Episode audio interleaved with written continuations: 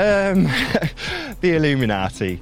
Um, I don't know a great deal about the Illuminati. It's something that I've come across since finding out the Earth was flat or investigating flat Earth. It would seem that there are certainly families or bloodlines or secret societies that control certain aspects of our life. Well, I don't know much about the movement other than I understand they like me very much. Now QAnon rips off the oldest conspiracy theory in the world. There is conspiracies that the coronavirus is a cover up for what is truly happening right now. Even over in England, they say that the Queen has been taking this to outstand and live a longer life, and it's said to give you eternal youth. I have talked to hundreds and hundreds of people all over the world. I've been to more than 40 countries researching this, um, who have told me the same basic recurring story of seeing people, often in positions of power, but not always, change from a human into a reptilian form and then, and then, and then go back again. Sometimes it's for a few seconds, sometimes it's for longer. Did you see those pictures in Italy? Have you seen those pictures in New York? Have you. Eh, does it that not tell you, wow, this is a contagious virus? Yeah, but there's media manipulation. And you know what we are? We're just pawns in a big game. If you've ever tried to talk someone out of a conspiracy theory belief, it just it can't be done. You shouldn't try. You believe there is a deep state. Yes. But maybe it's not true because there's no evidence of it. There hasn't been any non-evidence yet. Your shirt says the storm is here, QAnon. What does that mean to you? Well, I've been following all the posts since uh, October 28th. On the internet from QAnon. Right, the, started on the person or people who say they're Q. Right. What do you think Q is, by the way? It's an entity of 10 or less people Okay, that what- have um, uh, Involved with the government? high, high um, clearance, you know, security clearance. And how do you know that? Well, I'm just telling you, this is what it appears to be. But it appears to be. So you don't have any Yeah. proof of that. That's what you're guessing it is. And you don't have any proof there isn't.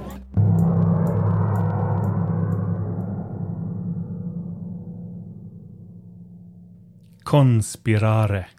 Ord på latin som betyder andas tillsammans. Det låter så vackert. Som om det ska ha med kärlek, närhet och samhörighet att göra. Vår betydelse av ordet idag, konspiration, är långt ifrån kärlek och närhet. Men det har möjligen med samhörighet att göra. En ofta påstådd dold sådan. Det är en hypotes om en komplott eller en sammansvärjning som ofta används i nedsättande mening, men som även såklart kan syfta på sakliga och faktiska sammansvärjningar. Det är just kanske det som gör det så lömskt, att det alltid finns en möjlighet till att det skulle kunna vara sant, hur otroligt det än först låter. Dagens avsnitt handlar om konspirationsteorier. Det kan tyckas lite roligt och underhållande att på avstånd lyssna på någon som verkar ha missuppfattat det mest uppenbara. Men resultatet är sällan varken bra eller roligt. Fenomenet konspirationsteorier är generellt alltid dåligt och leder till farliga resultat. Hur knasiga de än verkar vara. I det här avsnittet ger vi oss ner i några kaninhål i ett försök att visa själva kaninhålen. Välkommen till Utsiktspodden och konspirationsteorier.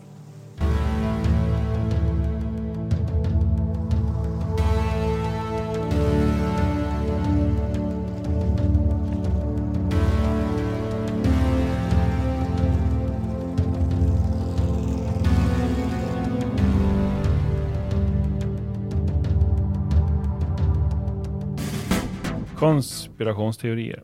Det finns väldigt mycket konkurrens om vi nu ska prata om det. Det finns eh, filmer, poddar, dokumentärer om just konspirationer. Men jag tänkte nu Jakob att vi ska försöka sikta på en, en nivå som kanske inte hörs lika ofta.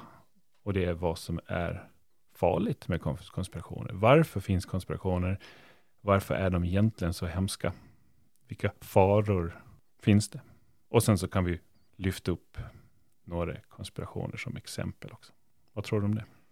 Ja, det är ju intressant för att vad vi läser dagligen hur konspirationsteorier kan ju vara från de stora grandiosa ehm, till eh, hur en konspirationsteori, Qanon, sprider, sprider sig i Sverige till, till eh, människor som jobbar med yoga och meditation, människor som kanske har en tendens att ta till sig nya saker och ifrågasätta eh, saker i verkligheten. Helt plötsligt så är det vissa grupper där som tar till sig konspirationsteorier som är kulter. För Qanon är en kult, det är tydligt. Vi ska återkomma till det. Så det, det är ju intressant för det, det påverkar ju hur vi, hur vi ser. Och sociala medier och, har ju inte under minskat spridningen av det heller. Bara förenklar allt. Men när vi säger ordet konspiration så betyder det inte att det måste vara falskt, eller hur? Det kan ju vara sant också. Ja, alltså konspiration, att konspirera mot någon, det gjorde ju Ankarström och den svenska adeln konspirerade mot Gustav III och sköt han på en och mördade honom. Det är ju en konspiration. Men det är, ju, det är ju inte samma sak som en konspirationsteori. Eh, man kan säga att, att konspiration och konspirationsteori har olika nivåer. Delvis är det ju på vilken nivå det är. Det är en som låg nivå, man brukar kalla det för en mininivå eller eh, på engelska en minor level. Sen har den på en operationell nivå. Alltså när, när grupper gör saker, så när det är på en världsnivå. Oftast tenderar vi att hamna på den här globala konspirationsnivån när vi diskuterar. Men varje nivå har ju sånt som är bekräftat till, tills helt utflippade saker. Man kan titta på en lägre nivå är att vi vet ju att eh, det, det, var, det var en spelskandal i italiensk fotboll där spelarna tog pengar för att förlora matcher och det var diskussion om det så kom det fram. Det är en sån konspiration, det vet vi. Men diskussion om att Paul McCartney ska vara död och han går på Beatles-skivan Abbey Road bara för att han går utan skor. Där har vi där det börjar bli. Och sen har du ju diskussioner och konspirationer om att månen inte existerar. Att det är ett hologram. Det är på den lägre nivån, men går man upp en nivå då är det till exempel att CIA har försökt genomföra kupper. Som de har gjort i Venezuela och i andra länder och varit inblandade i mordförsök på Castro. Men hela vägen upp på den nivån, då blir det mer och mer komplicerade saker. Då blir det att eh, det har skjutit, vi har hittat ufon och liknande. Det är sådana, så för att lyssnarna ska förstå, det börjar från sanna saker så blir det mer och mer otroligt. Men det finns alltid nivåer och på den högsta nivån så världskonspirationer, där finns det aldrig någon bekräftad. Men man kan säga att den högsta världskonspirationen är att påven har en deal med djävulen. Det är att påven och djävulen har en deal om att förändra världen, men det kan också vara tanken om en new world order, att det finns en ny världsordning och, och liknande. Så alla nivåer finns, men en konspiration. Vi kan ju konspirera på en arbetsplats mot en kollega. Men det handlar inte om att störta världen. Och det är ju oftast det när vi ser i media och lyssnar och läser och tar till oss är det de här grejerna. De spänn det är också spännande. Men världskonspirationer är inte, är inte Illuminati en sån? Eller är det en amerikansk? Jag vet att den finns på deras dollarsedel då enligt eh, pyramiden och ögat och så. Man, men det kanske bara är amerikanskt? Eller är det... Alltså, Illuminati Alltså, de flesta konspirationsteorier eh, har sitt bakgrund i franska revolutionen och 1700-talets upplysningstid. Eh, efter franska revolutionen, jag, jag ska återkomma till det Benatti, så, så var det ju så att eh, man var livrädd för revolutioner eh, i Europa. Man hade sett vad som hade hänt i USA med den amerikanska revolutionen. Man var, britterna hade blivit utslängda. Man var livrädda för hemliga sällskap. 1800-talet är fullt av hemliga sällskap. Allt från okulta sällskap som ska träffa Cthulhu eller djävulen. Ehm, allt till eh, sällskap som jobbar med utbildning. Och Illuminati är ett 1700-talssällskap som bildas av en som heter Weinhaupt. Och tanken från början var ju att upplysningsandan, att man skulle mot kyrkan, mot staten. Det började så, intellektuellt tänkande. Sen blir det långsamt i den här gruppen som är ganska liten, blir mer och mer eh, revolutionära idéer alltså från franska revolutionen, man ska störta samhället. Man, man, istället för att man då är fransk revolutionär så är man en grupp som ska störta samhället. Det var inte teori utan det var så? Ja, de hade planer på det. Eh, de, de fanns där och det var liksom en kombination av intellektuellt tänkande och världsomstörtande. Man skulle kunna kalla dem för ett politiskt parti egentligen. Eh, och sen under slutet av eh, 1700-talet så, så, flyr de från Frankrike och, för de kan inte vara kvar. Då hamnar de i, i Bayern kallas för Bavarian Illuminati. Och där förbjuds organisationen. Och han som ledde det, han blev professor sen och fick göra avsteg. Så att, och de skrattade åt det. Det här är bara ett gäng dårar. Det här är, det här är sent 1700-tal, tidigt 1800-tal. Det är första Illuminati. Uh, under 1800-talet så när man börjar hitta saker, folk som vill göra förändring, då använder man sig av ordet Illuminati. Uh, under 1800-talets tidiga del, 1820-1830, då, då säger man de som gillar okult verksamhet, alltså hitta andar, eh, we are board, spiritism, då är de, det är Illuminati, tidiga Illuminati är det. Det är 1800-tals Illuminati, de är okulta. 1900-tals Illuminati på 1920-talet är eh, det är en världskonspiration mot USA. De har varit med och påverkat första världskriget. Det finns den judiska bankiren Rothschild, antisemitismen brukar dyka upp där också. Sen blir Illuminati att man har varit med och skjutit Kennedy. Eh, Illuminati har, försökt, har skapat Sovjetkommunismen. Alltså allt är Illuminati. Det, är där, det, det, det blir som ett paraply och så enkelt. Det, har plockat, det plockas upp av alla som vill ha någonting att peka på. Men det har, det har existerat, men det, den försvann som organisation på 1700-talets slut. Så alltså, den övergick till att vara en teori då kan vi säga i Bayern? Ja, den började i Frankrike och sen in i Tyskland och sen försvann den. Så det, det är Illuminati, men alla vet om det är. Är du i, i skolmiljö så vill elever prata Illuminati, konspirationsteorier. Så det är de. Och, så det är ju det som gör det så speciellt att elever än är kvar idag. Idag är Illuminati George Soros och Illuminati är eh, de liberala i världen och så. EU kan vara Illuminati. USA när det leds av Biden är Illuminati. Ja. Vad har media för, för roll i det här? Ja, alltså idag är ju, jag menar, går du tillbaka innan tidig media så tror jag att det kunde nämnas under 1800-talet, men det var ju spiritism och eh, det är ju det vi ser i, i liksom kanske lite i Sherlock Holmes ibland och liknande, men nu är ju, alltså media underblåser ibland inte den vanliga media, men i alla fall inte i Europa, men, men de som har intressen långt ut på vänster och högerkanten om man ska använda sig av den termen kan ju tendera att blåsa upp det. Så det är klart att media finns där hela tiden. Det, det är ju sociala medier, det är ju så Qanon har bildats. Från sociala medier, internetforum. Jag tänker att vi matas med omedvetet ibland. Att det oftast finns någon hemlig organisation som ligger till grund för allt för det är mycket. Det räcker med att du går och ser en Bond-film så visar det sig i slutet att den här Bond-filmen och tio Bond-filmer tidigare är, är iscensatta av Spectre. Som, så det, det, någonstans så, så börjar vi se de här att, ja ah, vänta nu, nu jag råkar ut för någonting eller nu läser jag om någon i nyheterna. Och det är säkert så att det är, hänger ihop med någonting. Ja, men det är ju inte det ganska enkelt. Det är ju skönt att ha någon organisation, någon fiendegrupp och motarbeta. För annars måste man ju, måste man ju ifrågasätta sin egen tillvaro mycket mer. Det är mycket lättare att, att peka på någon annan. Alltså, de som är intresserade av konspiration och går på det här, jag menar när vi ser en Bondfilm och tänker Spectre, då tänker vi ja, det är ju kul. Liksom, det, det blir ett bra, det blir en bra linje där. Eh, bra för onda figurer och det är ju lätt att ha Spectre istället för Sovjet eh, eller Kina. Men, men med konspirationer är ju så att det är lite som att slå en, en knut på ett rep. Ju mer man ska påfresta en, en sån här knut, ju hårdare blir den. Så är ju konspirationsteoretiker. Om jag säger till någon så här, men du har fel, då vet de så här, nej men nu säger han det bara för att han ska säga det. Då blir man övertygad. Så att motståndet mot sådana här teorier blir starkare ju mer man får höra. Jag, jag hörde en historia om man, att man i Schweiz ansåg att eh, vete kunde skapa epilepsi. Så ja, då gick forskare, ja men då tittar vi, vad finns det för forskning om det här? Titta på, vetenskapen, för peer-reviewed eller inte, det fanns ingenting. De tillbaka till något, men det finns ingen forskning.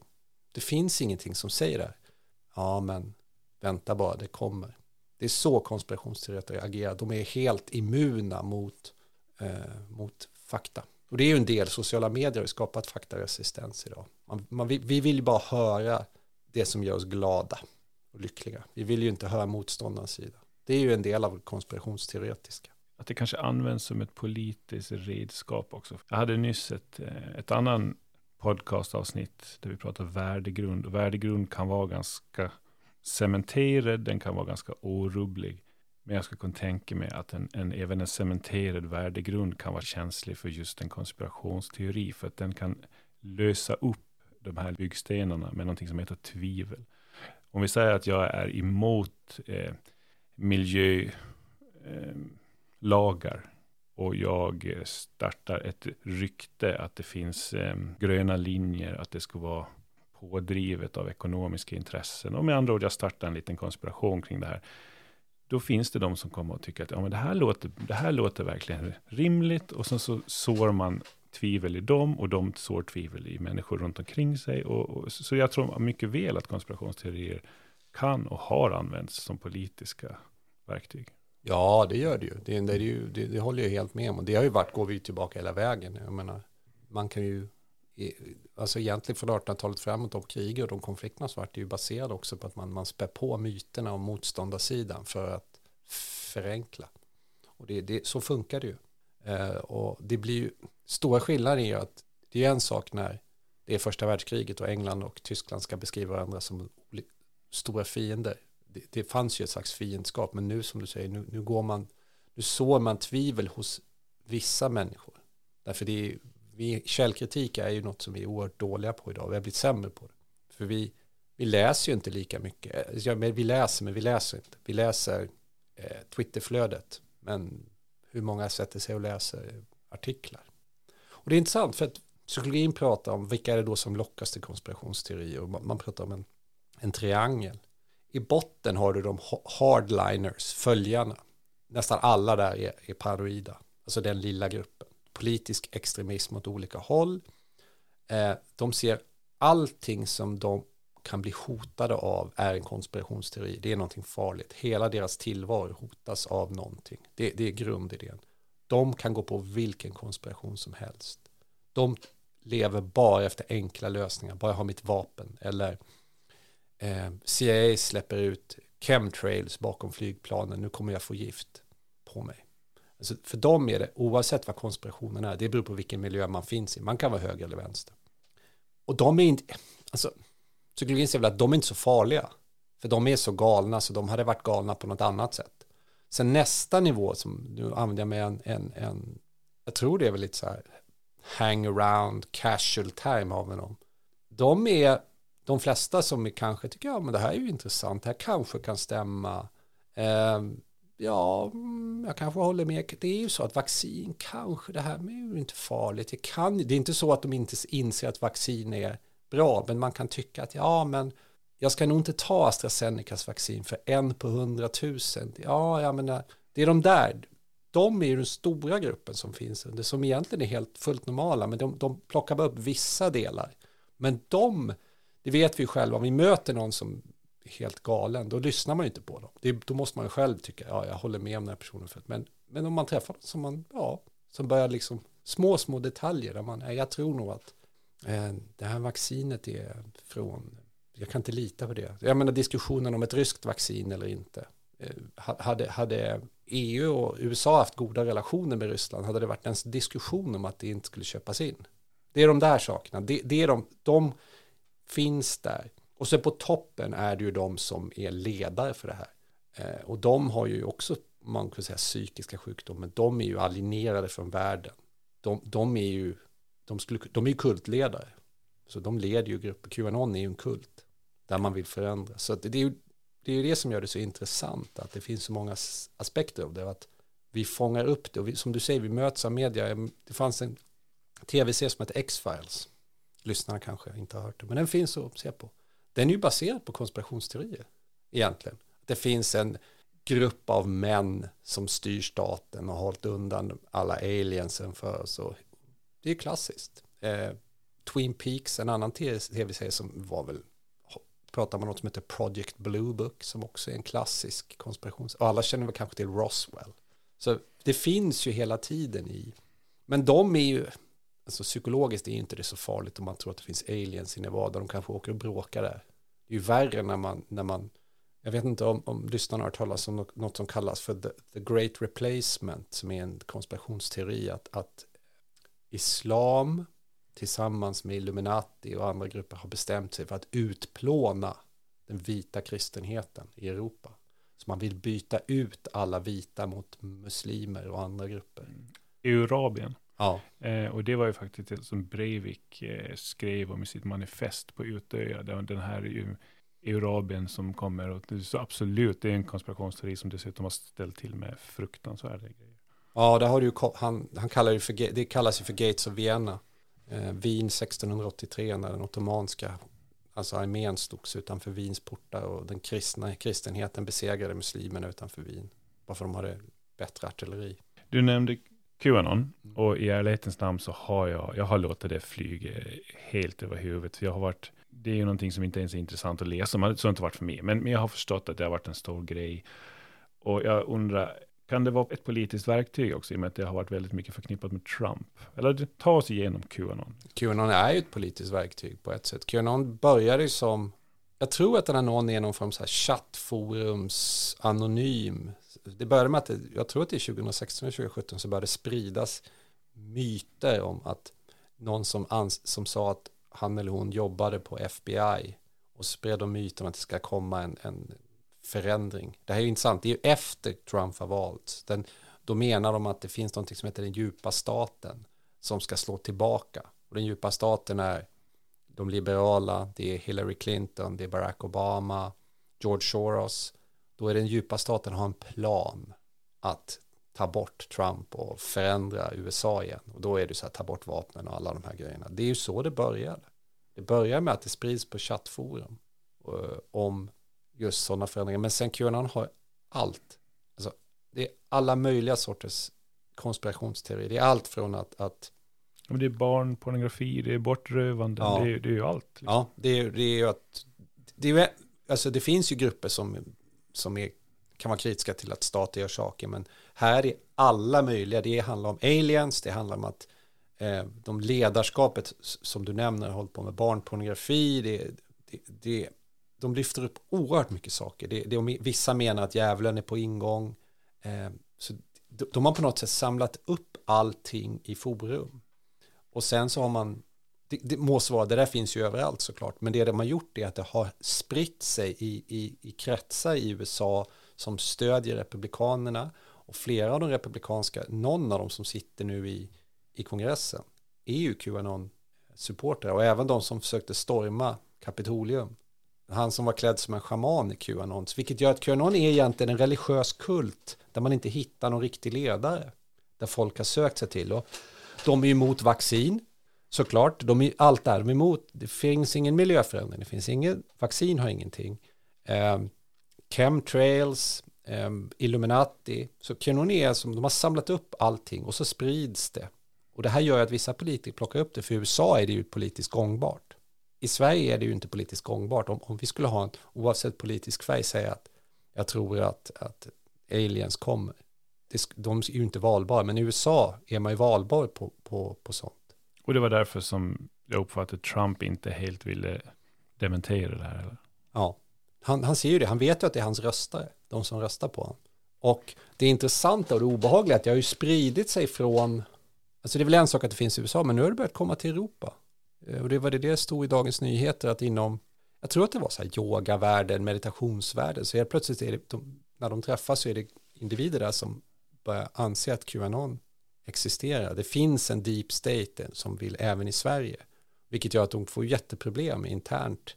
Att vissa är, alltså helt plötsligt framstår som, ja, inte riktigt friska. Men samtidigt om man, om man tittar på inom vissa, jag menar new age-grupper, har ju en tendens att tror man på helande kristaller så, så varför ska man inte tro att det finns en, en yttre kraft som påverkar så? Det är så intressant och det måste ju finnas, vad är det som gör att vi, att vi ändå fastnar i det? Vad är det som gör att det känns ens relevant för mig att spendera tid, tanken med någonting som är så, så knasigt? Om, och jag tänker så här, det finns någonting som heter konspirationism som, som ingår i ett paranoid schizofrent tankemönster. Det, är alltså, det finns patienter som har väldigt höga halter av dopamin som, ser, som kan se relevans i någonting som för oss är bara helt normalt. Alltså i en paranoid schizofren hjärna så, så kan eh, mönster kopplas ihop som inte hänger ihop. Från enkla saker som att man tror att man är Jesus Kristus till mer komplexa saker. Men det är ju en väldigt, väldigt liten del av människor som har, som har den diagnosen. Och vad, vad är det som ändå känner att, ja men vänta nu, det här, det här känns hur kommer normala människor dit? Ja, det är intressant. Eh, och vad är det som gör att det, det, har blivit mer nu? Ja, sociala medier är väl en sak. Men ibland tänker jag så här att, ska vi kalla det för att vi har hamnat i ett läge där det är väldigt svårt att erkänna att man har fel i en åsikt. vi har, vi, titta på politiker när det är politisk debatt. De lyssnar ju inte på varandra. De, de, de, även, om man, även om Stefan Löfven skulle hålla med Ulf Kristersson så skulle Stefan Löfven aldrig säga ja, men jag håller med dig, utan man, man har skyttegravarna. Jag tror att det gör att vi, vi, vi kanske lockas in i att ja, men det här är ju intressant, jag tänker inte ändra åsikt. Och eh, under lång tid så har det funnits i världen en, en, en berättelse om världen. Den enkla berättelsen är ju andra världskriget, det goda mot det onda. Kalla kriget är ju en berättelse om kommunismen mot liberalismen. Efter kalla krigets slut så var liberalismens berättelse den goda berättelsen. Långsamt har den eroderat på grund av förändringar i samhället. Så vi har ingen den här över, ska vi säga, den här, det som, som ger oss en slags trygghet hur vi ska orientera oss i samhällssystemen har försvunnit. Vi har lämnats mer till individer, vilket gör att vi, vi har inte tryggheten. Och då söker vi oss till någonting. Det är, det är min tolkning att vi söker oss till något som kanske ger oss den här tryggheten. Och om jag känner mig hotad som individ eh, på grund av ekonomin, eh, på grund av att jag kanske har alltid haft en, en position i makt som sen långsamt försvinner för att det kommer någon kvinna som är bättre utbildad än mig eller det kommer någon med en annan etnicitet som är bättre utbildad än mig, då, då vill jag ju hitta en förklaring. Och, och, det kan ju vara att jag skyller på staten, men det kan ju också vara att ja, men de är ju i lig med Satan. Eh, det, jag tror att det är en, en erodering av vår, vårt, vår tillvaro som leder till det här. Jag håller med och det finns kanske ytterligare en, en aspekt i det här. För eh, tidigare så har det inte varit kosher att, att ha en åsikt som baseras på en känsla.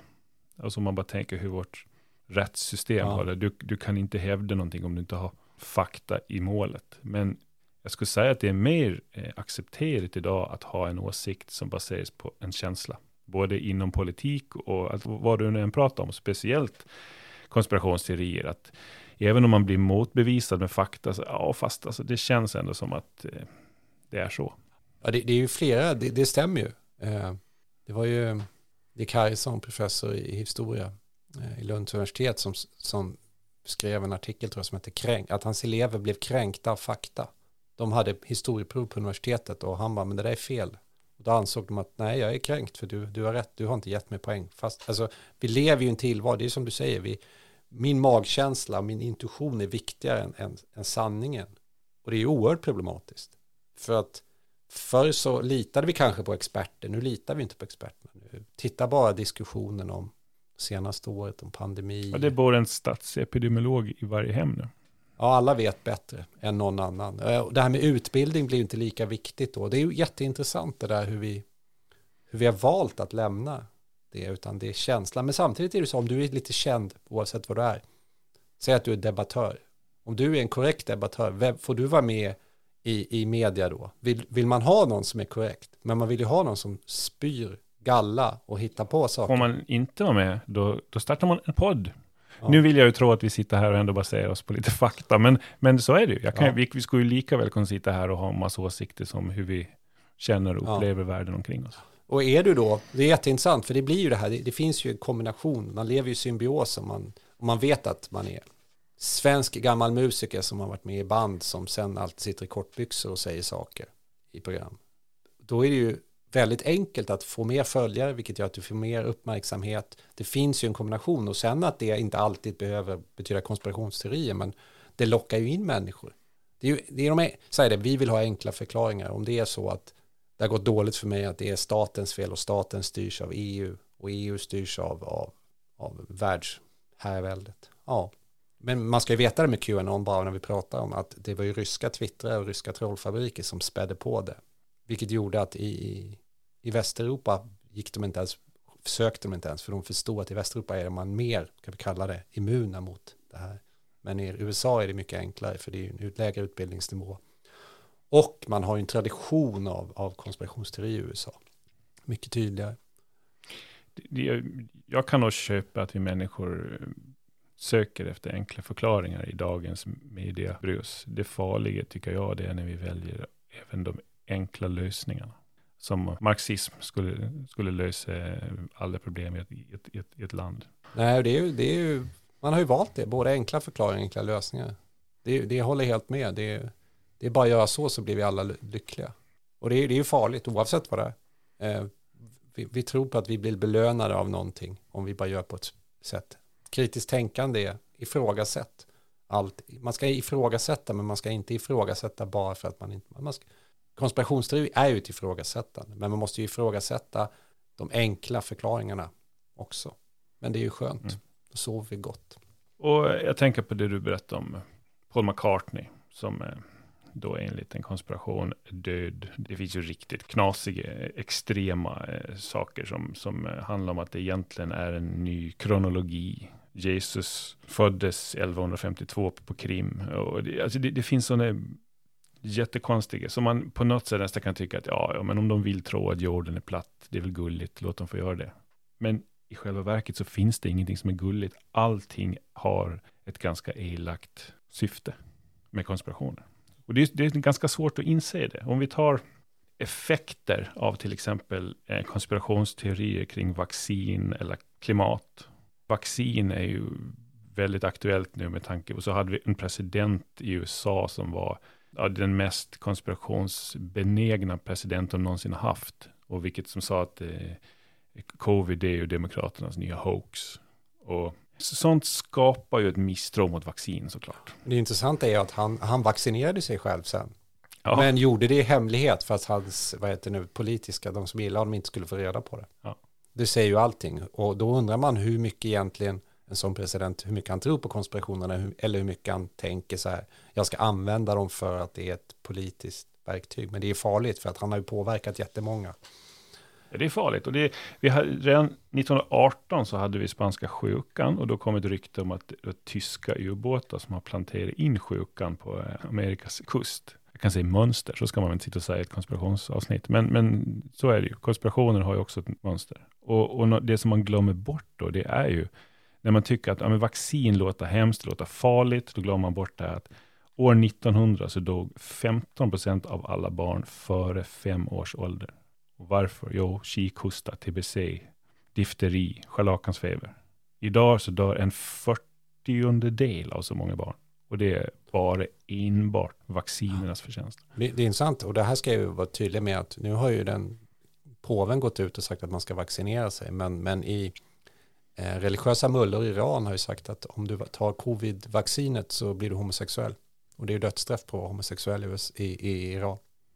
Um, även i, i delar av, eh, av Afrika har man ju sagt likadant att alltså då är det ju religi det är religiöst och det är oftast eh, kristna som säger att det, det, det är liksom sprider och de tror inte på det. Därför att Gud ska rädda dem, eller vem det nu är.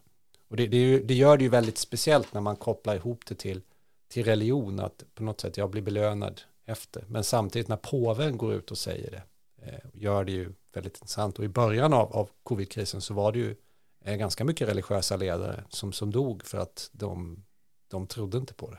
det jag, jag läste en artikel om en, eh, ett land i Sydamerika, jag tror det var Bolivia, men jag är oklart, något land, och överhuvudtaget Sydamerika är ju ganska religiöst, ja. får man ändå säga, och där, där gick det nog ut att eh, vaccinet innehöll en eh, essens av Lucifer. Ja.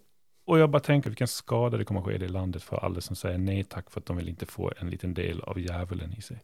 Ja, det där är så. Titta på Brasilien där de har varit dåliga på vaccinerande. Och det är ju så, det är de, och det är ju jätteintressant, det är evangelikala kristna, alltså det som är i Sverige skulle kallas för pingströrelsen och liknande som i, inte i Sverige, inte de grupperna, men i USA, de är ju de som är mest, de tenderar att vara, gå igång på, på konspirationssaker och, och antivaxrörelser. Eh, och det är ganska skrämmande att det är så. Vi, vi kan ju ta ett svenskt exempel, antroposoferna som är en, en filosofisk livsåskådning som finns i Järna söder om Södertälje. De vaccinerar ju inte och undviker medicin och där har vi ju utbrott av röda hund och mässling som är nästan, alltså det är borta i Sverige, det finns bara där. Så där, där tro, man tror inte på att medicin hjälper. Scientologerna tror inte att medicin hjälper. Man kan tänka bort psykiska problem genom att gå kurser som man får betala för om man inte är kändis. Ja, så där har vi faran med eh, konspirationsteorier omkring vaccin och klimat såklart. Där, där påverkar man människors beteende, ett beteende som skulle vara önskvärt för, för alla vars räkning egentligen. Men så kommer vi till sånt här som då kan vara svårt att fånga in. Vad är det som är farligt med, med 11 september-konspirationerna? Bilderberggruppen, Kennedy-mordet och även här i Sverige lite Palmemord. Vad, vad, är, vad är det för farligt då? Jo, jag tappar tron på systemet. Jag tappar tron på, på den politiska makten. Jag tappar tron på, jag behöver inte ens gå och rösta, för det spelar ingen roll till slut. Det är ändå bara några få som styr. Och det är riktigt, riktigt farligt. Ja, det, det, det, där, det sammanfattar det väldigt bra just att det gör det farligt. Det är att man tappar tro på, på oavsett vad det är i staten. För då, då tappar man ju tro på demokratin. För det är ju alltid någon annan som styr åt det. Man behöver inte ta egna beslut. Man kan inte ta egna beslut längre. Ytterligare en farlighet. Om vi tar Pizzagate som ett eh, exempel. Det är alltså en konspirationsteori där det påstås att en pizzeria i Washington hade kopplingar till en pedofil härva och Hillary Clinton. Och det är säkert QAnon på något sätt det här också. Eh, men det kom ju 2016 då, då upptäckte de en 28-årig man från, härstammar från North Carolina. Han var på väg att köra till den här restaurangen med laddat gevär i intentionen att gå in där och skjuta ner de som fanns på pizzerian och rädda de här barnen som då skulle ha funnits i den här pizzerian. Han dömdes till fyra års fängelse. Och hade de inte stoppat han så hade det ju varit ett, ett briljant exempel på hur farligt en sån fånig grej kan vara. Att det sitter några barn som är tillfångatagna på en pizzeria. Breivik, Utöja har vi ju nämnt, i Arabien. Eh, det finns flera attentat, brevbomber mot både företag och ministrar i USA. Eh, vi har attacken mot synagoga Pittsburgh 2018 antisemit som, som fick för sig att eh, det, det sitter några, eh, en, en, hemlig judisk världsregering eh, som är kopplad till den här synagogan. Och, eh, det, och det är ju hemska, hemska saker. Konspirationsteorier som kanske inte var ämnade från, för det resultatet från eh, början ändå blir någon galning med gevär som, som ja, du pratar om det här understa skiktet, de som verkligen vill ha den enkla lösningen. Ja, jo men det, det stämmer ju. Det, då får man ju en bekräftelse på sin världsuppfattning och då tänker man nu, nu är jag så uh, ska jag uttrycka det med? Jag vill inte råka ut för det. Jag, måste, jag är den utvalda att rädda. Du nämner det här med pizzerian. Det är förmodligen så här, jag ska rädda världen. Jag ska rädda de här barnen. Eller storma Kapitolium. Jag ska rädda från en, en liberal konspirationsteori som har bestulit oss på valet. Så det är ju jättefarligt. För det, det finns ju alla miljöer de där. Det är, det, de som kanske en gång i tiden fångades upp av sekter och liknande fångas upp av det här. Det är ju liknande beteende.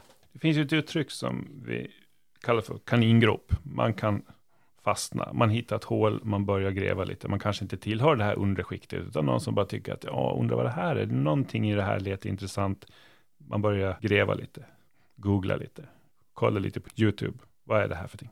Och då hände en effekt. Vi har idag någonting som heter sökalgoritmer. Det är ju gjort konsumtionen i första hand. Om jag är intresserad av robotdammsugare, googla aldrig på det. För då fylls hela din eh, sök och nyhetsbevakning och allting. Det kommer sen vara romba överallt. Och det är ju så det funkar. Om jag är intresserad av någonting så ska jag få massa annonser kring det. Eh, tyvärr då så blir det ju så om jag börjar gräva i någon pizzagate här, eller om jag börjar gräva i någon Eurabian, då kommer jag hamna, då kommer sökalgoritmer eh, istället för robotdammsugare så får jag se det som skulle kunna intressera mig, vilket är liktänkande. Jag hamnar i en ekobubbla som är nästan omöjlig att ta sig ur. Så här funkar Google, Facebook, YouTube, Instagram. Det fun alla funkar så. Om jag verkligen är intresserad av någonting, jag vill veta någonting, jag vill veta lite mer om någonting. Plopp så här så ramlar man ner i en kaningrop och det är ganska svårt att ta sig därifrån. För att det sökalgoritmer inte gör, det är att komma med motsägelser. Jag kommer inte att hitta några motsägelser någonstans som talar om att det här är felaktigt. Jag kommer bara hitta de som tycker att du är på rätt spår.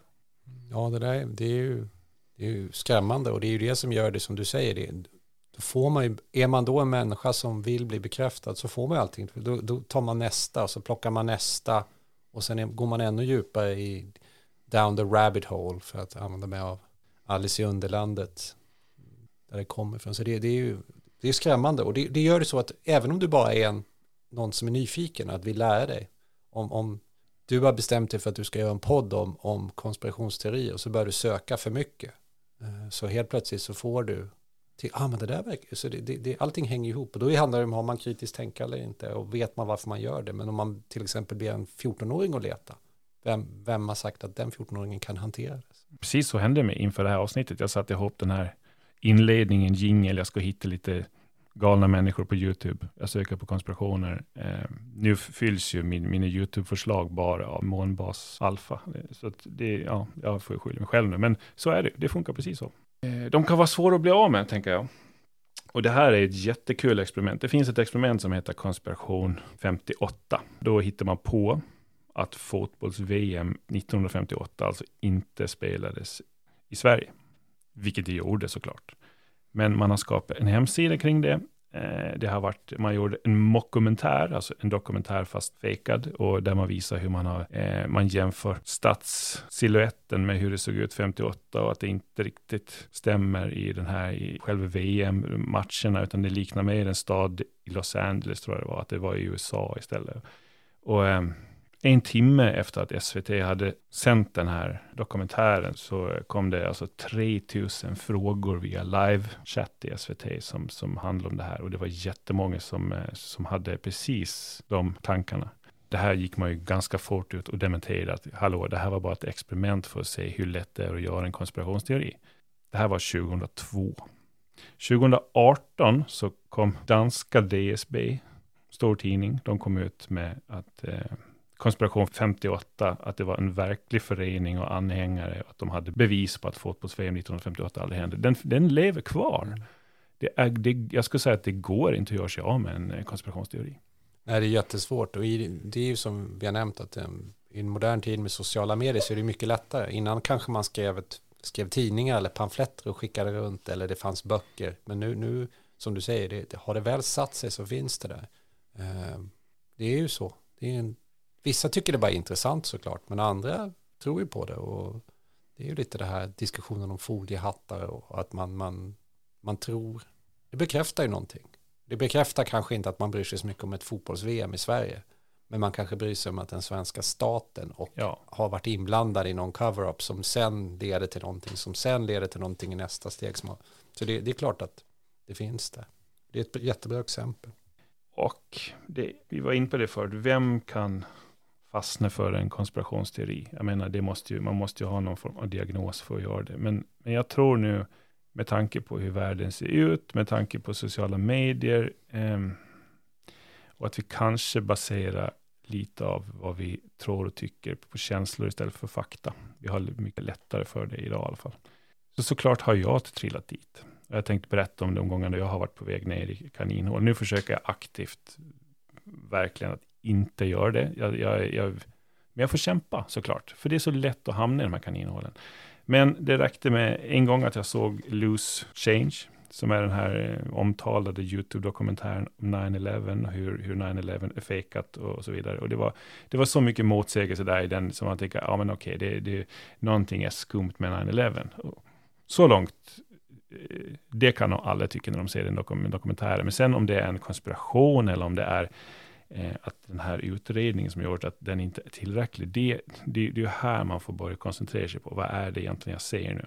Det är ju inte jättelångt i tanken att gå till att USA skulle ha kunnat iscensatt någonting. De har ju tidigare gjort det, dokumenterat Kuba, flygkapningar och så vidare. Så det, det är ju absolut, det, bakgrunden finns. Här, här trillade jag ner och jag kände att ja, okej, nu, nu tror jag inte längre på USA som system. Det, det här är ett inside jobb och så vidare. Men jag har nog kanske svängt till att jag, jag, jag, väljer att inte tro på det. Jag aktivt väljer att inte tro på det, för det är, det är nästan svårt att greppa att ett land skulle kunna göra så här. Jag tror dock att många i USA, jag vet att många i USA väljer den andra tanken och tror fortfarande att det är ett inside job. De gjorde en eh, opinionsundersökning 2006 där 42 procent av den amerikanska befolkningen tvivlar på den regeringens officiella utredning. Så det finns ett stort tvivel kring det såklart. Um, vidare då, ja, jag har ramlat ner i det här med månlandningen och det är ju pinsamt. Ja, men jag, jag måste avslöja, jag, i ett svagt period i mitt liv där så, så, så kände jag att jag, jag satt och hade en diskussion och så mötte jag en kompis som var så benfast i tanken, månlandningen har aldrig skett. Och jag bara, ja, hur menar du nu? Det är klart den har skett. Så, men nej, men gå ut och googla på, på Van Allen Belt. Så. Det finns ett, en sfär av strålning, ett bälte, en eh, distans ut från jorden mellan månen och jorden, där strålningen är så farlig så du dör. Vi har aldrig lämnat det. Vi har aldrig lämnat Van Allen Belt vi har inte teknologin för det. Och det lät ju som, wow, nej, okej. Men jag gjorde så man inte ska göra. Jag gick ut och googlade och så jag hittade ju massvis om det här. Det går inte att åka genom Van Allen Belt. Och, de astronauterna som intervjuades, de hade ju, klart de är ju inte jättemediatränade, de är ju astronauter, så det fanns ju lite motsägelser i deras, eh, det de berättade, och då, då flödade ju konspirationerna. Han sa det, fast han sa det. Och, och nu på senare tid har ju faktiskt NASA gått ut och förklarat eh, även det här med Van Allen Belt av uppkommen anledning, för det var många som började ifrågasätta det. Och då är det så att man, man dör av 300 rads per timme. Apollo 11 hade 16 rads. Under den tiden det tog för dem att passera Van Allen Belt som var 68,1 minuter. Det är alltså ner på den här nivån som behövs för att kunna ta, ta död på en konspirationsteori. Man måste ner på komma ett nivå. Så det är klart, nu har jag avskrivit den, men det tog lite jobb att göra det. Jag, jag var tvungen, för det var, så, det var så mycket det här, ja men det, Stanley Kubrick var anlitad av NASA för att visa upp det här och det, de skulle bara vinna det här racet mot Ryssland. Det finns så mycket som man måste liksom, åh, jag måste kravla mig upp i den här kaningropen, aktivt. Ubåtskränkningarna, ja, det som hände på 80-talet, eh, jag, jag tror Ja, där får jag väl nästan kryp till korset och säga att jag kanske tror ändå att det, det, det, ja, det behöver inte vara en konspirationsteori, men jag tror inte allt har kommit till ytan. Jag tror det finns mer, det kanske inte var ryskt alla gångerna, det kanske inte var, eh, jag vet inte. Jag, jag bara, det är ingen konspirationsteori, för det finns det också, men jag tror bara att det är, det är någonting som cirkulerar och jag tror att allt har inte dykt upp ännu. Estonia är ju det senaste. Det finns konspirationer där om vapenleveranser och om markläggningar och så. Och efter den här senaste dokumentären så är det ju svårt att tro att allting har kommit till ytan där. Det, det måste man ju säga, där, där finns det någonting. Men det behöver absolut inte vara en konspiration och det är väl dit jag vill komma. För att någonting inte stämmer överens med det man vet så måste det inte vara en konspiration. Men det är ju intressant, jag tänker de här två sista du nämner med ubåtskränkningarna och, och Estonia. Det är ju känslan är väl att det är ju egentligen det är, ju, det är som att allt, det handlar mer om att alla fakta inte, som du säger, dykt upp, vilket gör att det sår, man sår på något sätt problem hos människor istället för att säga så här, ja, men eh, vi ska kolla allt med Estonia, punkt, som de sa från början och sen ändrar de sig fort. Och det är ju alltid de där sakerna som gör att det skapar, och det är ju egentligen ingen konspirationsteori som påverkar, men det kanske påverkar synen på vad, vad håller den svenska staten på med. Eh, och ubåtskränkningarna, det, jag menar, det var ju en ubåt som de drog upp på land, men sen vet vi inte. Men sen är jag tycker det är intressant med ubåtskränkningar att utifrån folks politiska uppfattning så vill man, är man på högersidan så var det väldigt mycket sovjetiska ubåtar, är man mycket mer på vänstersidan så är det NATO-ubåtar, vilket gör att det, det gör det ju att det är som du säger, det finns ju olika hela tiden nivåer, vilket gör det väldigt intressant och skrämmande. Men det, det är ju det allting handlar om. Och det, jag tror att det kommer bli i framtiden kommer det bli ännu mer konstant. Ja, jag tror vi landade där vi, vi satte eh, målet som att vi skulle gå igenom de psykologiska aspekterna. Det blev också ganska mycket eh, sökalgoritmer som spär på dem. Det, är vårt, eh, det vår hjärna behöver se, att vi är i linje med alla omkring oss, att vi är på rätt spår. Det är det de sökalgoritmerna tyvärr då visar för oss när vi hamnar i ett kaninhål och faran med konspirationsteorier. För det finns många. Det finns galna och det finns rimliga såklart. Men det är, eh, alla är farliga. Alla har ett syfte som man inte önskar. Man tappar tron. Och när man tappar tron så tappar man inte bara tron på kanske ett system, man tappar tron på alla system. Vi avslutar där. Tack för den här gången. Tack så mycket. Eh, har ni någonting som ni vill tillägga så gå gärna in på Facebook eller Instagram på Utsiktspodden. Lägg till era tankar, era konspirationer eller någonting vi kanske glömde. Tack för att ni har lyssnat.